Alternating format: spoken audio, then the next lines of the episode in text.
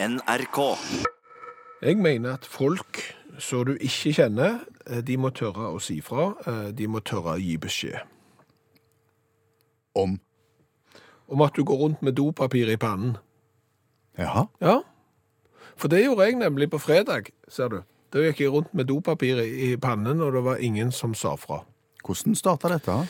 Ja, det starta jo egentlig dagen før, eh, fordi at jeg har drevet på og montert litt kjøkkenskap for noen jeg kjenner, og så klarte jeg å reise meg da opp eh, rett i ei åpen sånn eh, overskapsdør. Og det er vondt. Så traff den i pannen, og så fikk jeg et lite, et lite rift der. Og Det er jo ikke noe farlig det, men det er jo sånn at hver gang du da går i dusjen, så er du så tynn i huden i pannen, og skorpa er så tynn at da forsvinner det, så begynner det å blø igjen. Ja, ja. Så dusjte jo jeg da på fredag morgen, og så begynte det å blø, og så skulle jeg i et møte da i kommunen jeg bor i. Eh, Så mens jeg kledde meg, så satte jeg bare en liten bit av dopapir i pannen der så det blødde. Do, ja. Hvorfor gikk du ikke for plaster? Jeg fant ikke plaster, det eneste jeg fant var gnagsårplaster, og det så jo enda dummere ut. Og det er så dyrt òg, jeg kan ikke kaste det vekk på det lille der. Så det, det blir som når du barberer deg og får et lite rasp, så blør det bitte litt, så setter du dopapir på et minutt og to, så størkner det, så kan du ta det vekk. OK, do, dopapir i pannen, og du gikk på møte i kommunen? Ja, for jeg glemte jo at jeg hadde dopapir i pannen. Ja.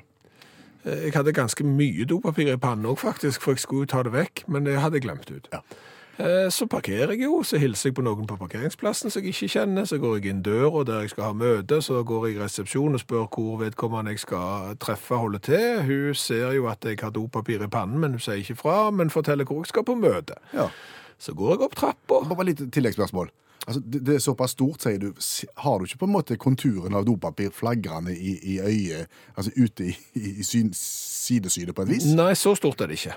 Men, men det er helt klart at det er der. Det er en god kladeis med dopapir oppi pannen, som jo òg er, er blodrødt. Mm, OK, du går videre, ja. Så går jeg opp, treffer en i trappa, og han sier hei, og han mister faktisk noe når han går forbi. Jeg vet ikke om det er fordi at jeg har dopapir i pannen, men han sier jo heller ikke fra. Så treffer jeg to andre borti gangen som jeg hilser på, de sier ikke at jeg har dopapir i pannen, og så treffer jeg vedkommende som jeg skal møte. Og da, da? Nei, Ikke da heller? hun sier heller ikke at jeg har dopapir i pannen. Hun viser meg rundt i hele lokalet, fra første til andre til tredje etasje. Vi treffer folk underveis, og jeg er han tosken som går med dopapir i pannen.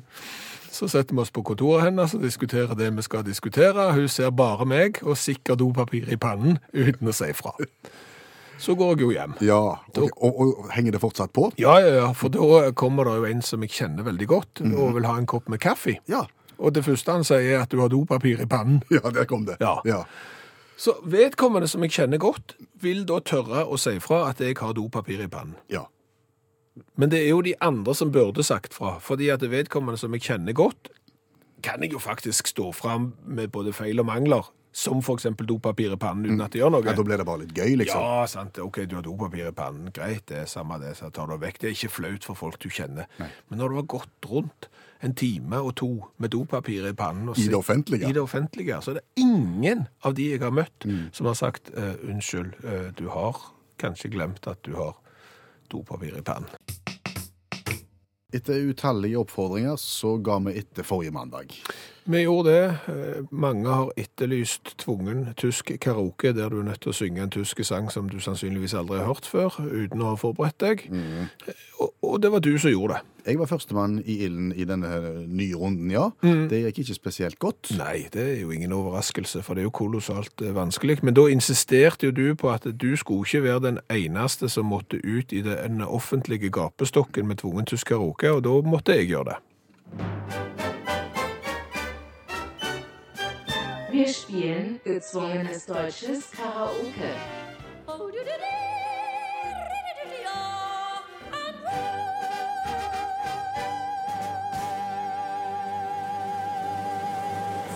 Ja, og i dag er det din tur. Ja, i dag er det jeg som skal ut i tvungen tysk karaoke, og konseptet er jo relativt enkelt. Sannsynligvis har vi aldri hørt sangen før, for vi er ikke så glad i tysk populærmusikk. Så spiller du karaokemusikken, og så får du den tyske teksten i hånd, og så er det klar, ferdig, gå, syng, uten forberedelser. Du har aldri hørt den før. Det vil jeg tippe. Og Forrige uke så var vi jo i Melodi Grand Prix-land. Da var det en, eh, tysk, et, et tysk bidrag jeg måtte prøve meg på. Ja, fra 1975. Ja, Og i samme banken så fant jeg et nytt bidrag. Å ja. Ja. Så viser det seg, når jeg har sett litt nærmere på det, at det er det franske bidraget. Blir det dumt? Tvungen tysk karaoke på fransk. Ja, ja, det er en helt ny idrett. Men OK, eh, i dette studioet her så er det jo 50% av mannskapet som har vært au pair i Frankrike, og den ene er ikke deg. Nei. Eh, så kanskje forutsetningene mine da for tvungen tysk karaoke på fransk er er bedre enn dine. Ja, jeg, tror, jeg tror egentlig det. Og det du skal få prøve deg på, er da det franske bidraget fra 1960. Og historien om eh, Tom Pilleby. Har du hørt om han? Tom Pilleby?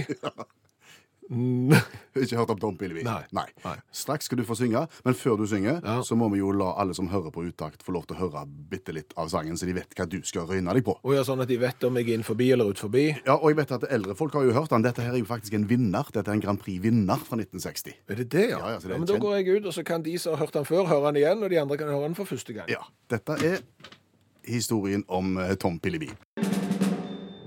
Tom le premier en Écosse.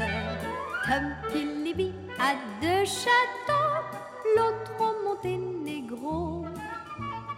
Il a aussi de grands vaisseaux qui vont au bout du monde chercher des ors et des coraux et les plus beaux joyaux. Tom Pilleby det er en rekke av det, skjønner du. OK. Ja. Jeg kan fortelle deg det at Tom Pilleby det er da elskeren som eh, det synges om i sangen her. En rik mann med to slott, ett i Skottland og ett i Montenegro. På fransk allikevel. Ja, på fransk. ja. OK.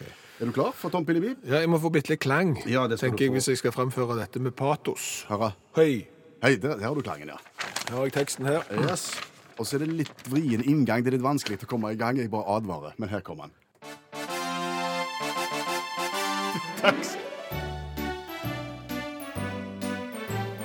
Tom Pilleby a deux châteaux, le premier en Écosse. Tom Pilleby a deux châteaux, l'autre à Monténégro. Il a aussi deux grands vaisseaux qui vont au bout du monde. Euh, Chercher des ours et des corossos et de l'hybochuo.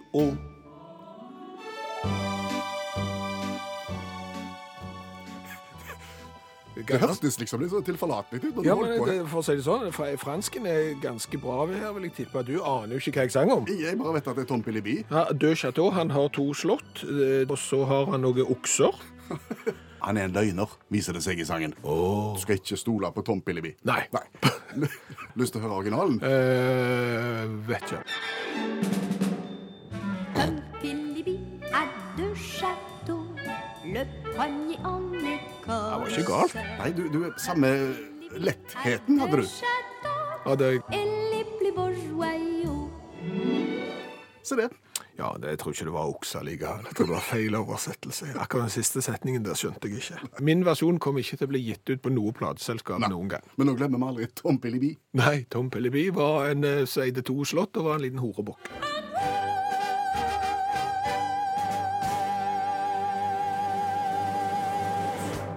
Jeg ser fram til hver eneste mandag, jeg.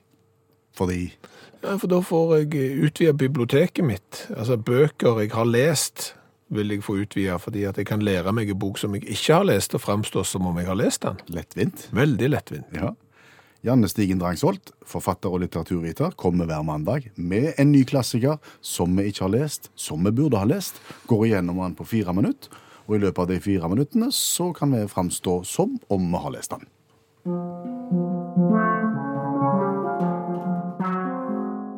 Stoner fra 1965 av John Williams. Agronomstudent skifter til litteratur og blir akademiker. Mens livet ofte er tungt og vanskelig, gir litteraturen trøst og håp. Ja, det var en gang en bonde, eh, men han syntes ikke det var så kjekt med kyr og sånn, så han begynte å skrive bøker, og da ble livet bra. Nei, han skriver ikke bøker, han nei, nei. jobber på universitet. Og som alle vet, så er det et ganske sånn bittert og kjipt sted å jobbe. Så det at han eh, kommer i mange konflikter. Så gifter han seg med feil dame, Edith. Veldig sur og kjip på alle vis. Så han har det bare helt sånn forferdelig hele tida, utenom en periode hvor han er utro. Og Da ble eh, det mye bedre. ja, en liten periode, så blir det kjipt igjen. Men litteraturen svikter aldri. Men på hvilken måte er det han da bruker litteraturen? Nei, Det er jo litt sånn eskapisme, at du liksom søker tilflukt i litteraturen. At litteraturen gir deg på en måte den trøsten og det håpet som livet ikke gir, da. Så han, lurer seg inn i, i biblioteket på universitetet og drømmer seg vekk i bøkene? Ja, og så underviser han jo i litteratur, det får han veldig mye glede av. Så litteraturen holder han gående, på en måte. Det holder han oppe når livet er tungt og vanskelig. Og bortsett fra at du da ikke har verken jobbet med kyr eller andre dyr, og aldri sikkert kunne vært bonde, det går ikke an å se for seg. Hvorfor sier du det? Nei, gud forby. Kanskje jeg hadde vært en kjempeflink bonde. Eh, Jeg tror det hadde blitt en tilsynssak.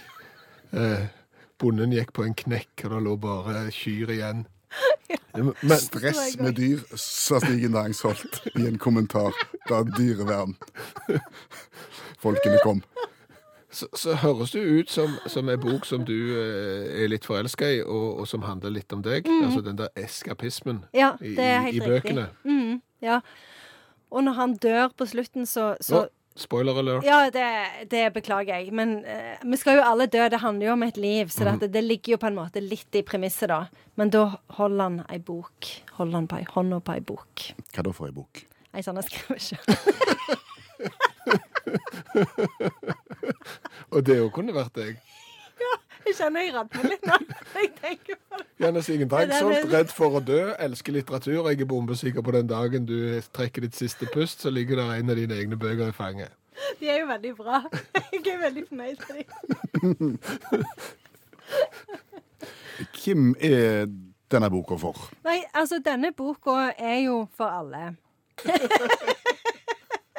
For det handler jo på en måte om livsarbeidet. Altså det handler jo om liksom det arbeidet som du må legge inn i, i livet eh, på alle de ulike planene hele tida. Så for at livet skal fungere, så må du, du må gi. sant? Du må, du må jobbe med ekteskapet, du må jobbe med jobben din, du må jobbe med ungene dine. Det er liksom et arbeid som inngår i alle livets eh, ulike plan.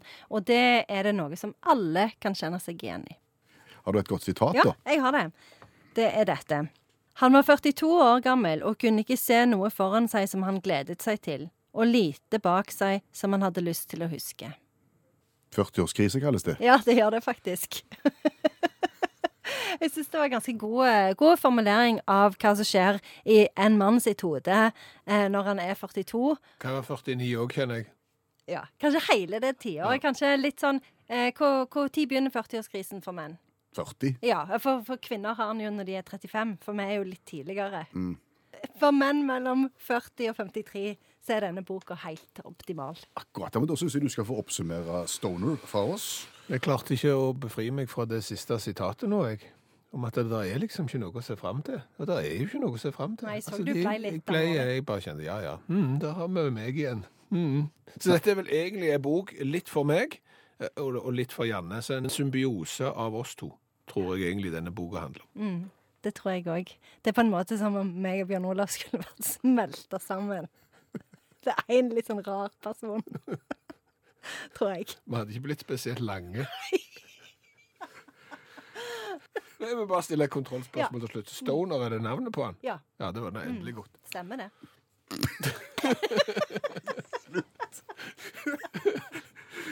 Janne Stigen Drangsholt, forfatter og litteraturviter, tusen takk skal du ha. Det var helt, helt greit.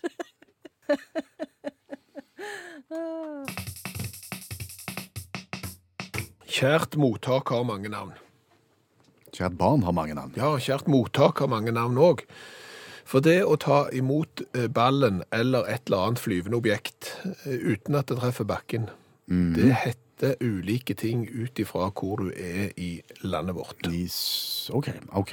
Se for oss at vi spiller f.eks. brentball eller slåball, og ballen fyker høyt, høyt, høyt opp i lufta, Ja. og du bare tar imot den vopp, før han går i bakken. Ja. Da sier vi på vår dialekt at vi tar hys. Ja, og det er mer enn én eh, fotballkommentator i vårt eh, nærområde som har på riksdekkende radio på direkten sagt at der tok keeper hys, og så har store deler av Norge tenkt hva i all verden var det han gjorde nå? Hys skjønner det ikke. Nei. Nei.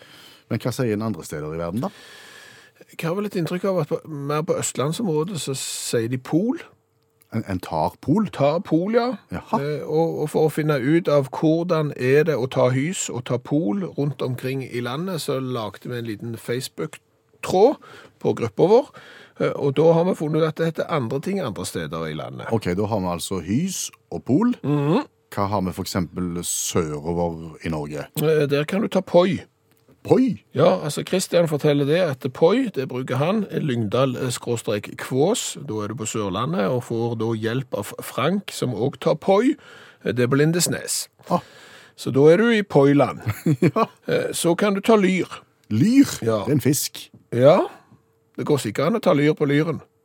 Eh, Men, men Gunn forteller det at i Trøndelag så tar du lyr. Raimond kan fortelle at på selveste Myre så tar de lyr. Og Tanja kan fortelle at i Nordland så tar de lyr. Det kan godt hende det er store lokale forskjeller òg. Det har vi ikke fått bekrefta ennå. Ragnhild påstår at i Stathelle så tar de nelle. Bare fordi at det rimer, sikkert. Nei, jeg vet ikke jeg, men da er det jo i Telemark. Stathelle altså. Nelle. Det er, hun gjorde iallfall det en gang mot slutten av forrige årtusen, så det kan jo hende at det har endra seg. En, en ball som går veldig høyt, høyt, høyt opp, da, er det en nelleball? Al- Akkurat som vi sier at det er en hyseball? Ja, eller poleball. Eller poiball? Ja. Eller lyreball? Lyreball kan være. Eh, Aslaug eh, vil da bare fortelle det at det heter jo eh, Du må jo definere hva type pol det er. Å, Ja, det går an å ta enhåndspol og tohåndspol. Det er to forskjellige poler. ja, vi skjønner jo det, at du tar imot med en eller to Ja, hender. ja, Vi har jo ikke enhåndshys med. Nei. Nei, har- hys er hys. Ja. Men uh, Aslaug hun skiller mellom enhånds- og tohåndspol. Enhåndspoien er vrien. Det er vrient. Eh, hvis du syns dette var interessant å bidra til hys, pol, lyr-problematikken rundt omkring i landet, så er det da en tråd på Facebook-gruppa vår. Så kan du skrive hva du eh, bruker når du tar imot uten at noe treffer bakken.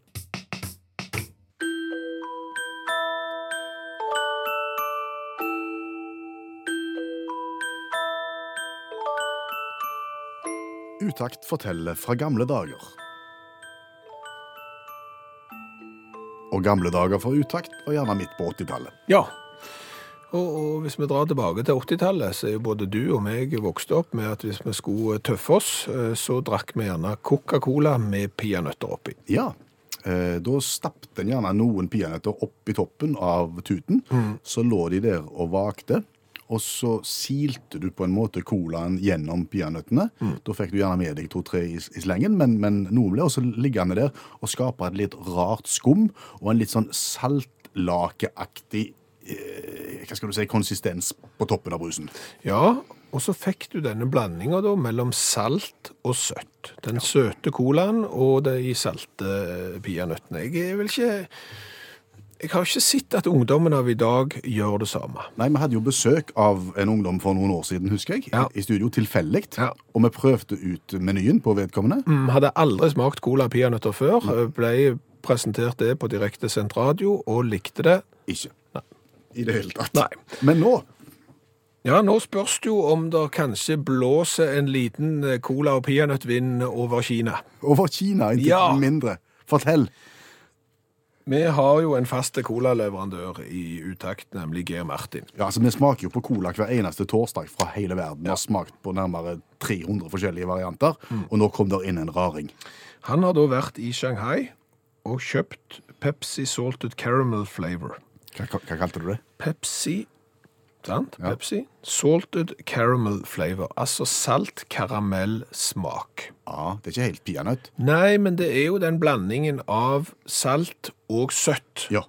Som kanskje da kan gi eh, peanøtt og cola eh, et oppsving rundt omkring i verden. Har han forsøkt denne varianten, har Pepsi forsøkt denne varianten andre steder enn i Kina? Ja, Ja. eh, og, og det har ikke gått godt. Altså Den første eh, colaen med, med salta karamell oppi eh, ble lansert eh, 6. november 2017 i USA. Ja. Eh, Den 31. desember 2017, da ble han tatt vekk igjen. Så den varte halvannen måned, så var det på trynet ut. Eh, Så eh, fikk han et lite glimt av eh, gjenoppstandelse i Vietnam i desember 2018, Ja. eh, men ble tatt av igjen i mars 2019, så der varte han tre måneder. Men kan jo ikke være god. Mm, Det er jo derfor du begynner å lure. Men nå er han da lansert i Kina Ja. i, i 2019, og, og vi vet jo ikke om han er tatt av ennå. Nei. Så, så den er nå her. Det er da ei plastflaske, og det ser ut som den har leopardmønster på seg. Han er kledd i leopardplast, Ja. rett og slett. Og så står det Pepsi, og så står det en del kinesiske tegn, men vi vet at den er da saltkaramellsmak tilsatt. Er du klar? Ja. Oi, den hadde mye fus. Ja. Den har reist første klasse fra Shanghai òg. Ja. Vær så god. Dette er spennende, fordi at cola med peanøtter på 80-tallet var jo fantastisk godt. Kan dette gjenskape noe av det? Det lukter ikke sånn, for å si det sånn. Nei.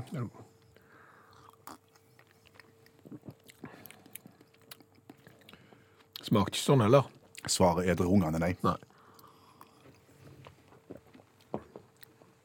De har ikke klart å få med den der saltsmaken som du hadde når du blander cola og peanøtter. Nei. De har ikke klart, de, de, det her smakte mer karamell. Jeg vet ikke hvor salt det ble av. Nei. Det var på en måte litt karamellbrus. Så hvis det ikke hadde vært cola, så skulle jeg nok klart å drukke litt av den, men som cola med Ikke mye. Nei, nei ikke mye. Nei. Cirka i en måned. Så du skjønner at han er tatt av Ja, du gjør det. Sånn. verden rundt. Skal vi putte denne nå inn i den der store tabellen vår av alle vi har smakt på? Jeg tror ikke vi skal gjøre det, så da får vi bare gi den en karakter bare for å ha gjort det. Så Ja, den kan ikke få mer enn tre i smak av ti mulige, tror jeg, hos meg. jeg gir fire. Og så er det jo hvor kult er det med cola med leopardmønster. Ja, det er ikke verst. Det er fem. Fem, greit. Fort gjort. Ender på 17 poeng, ikke mer enn det må være. Så. Men for å si det sånn, nå har vi kanskje smakt på noe som ingen kommer til å smake etter oss, for de har jo en tendens til å ikke vare så lenge. Og nå skal du få synge.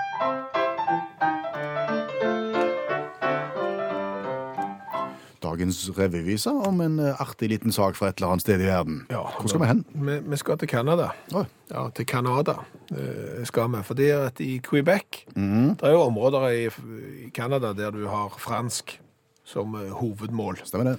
Er det sånn i Quebec? Ja, og, og de er veldig opptatt av det, for å si det fint. Du skal ikke komme farende der og ikke sette fokus på, på fransken. Og nå er det ei dame, Emilie, som har søkt om å få lov å få fast bosted i Quebec, eh, som ikke har fått det. Og det er litt rart.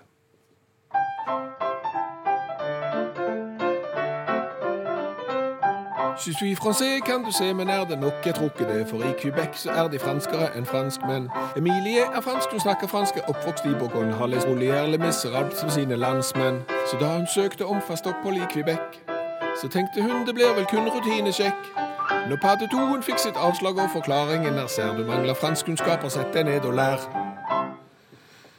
Det var så mye ord, men hun kunne ikke fransk. Nei, de mente at hun ikke øh, kunne fransk godt nok, selv om hun er født i Frankrike, vokst opp i Frankrike, gått på skole i Frankrike, snakker flytende fransk, og faktisk går på universitet øh, og har øh, vel, jeg driver på med en doktorgrad eller noe sånt, og har skrevet en doktoravhandling på fransk.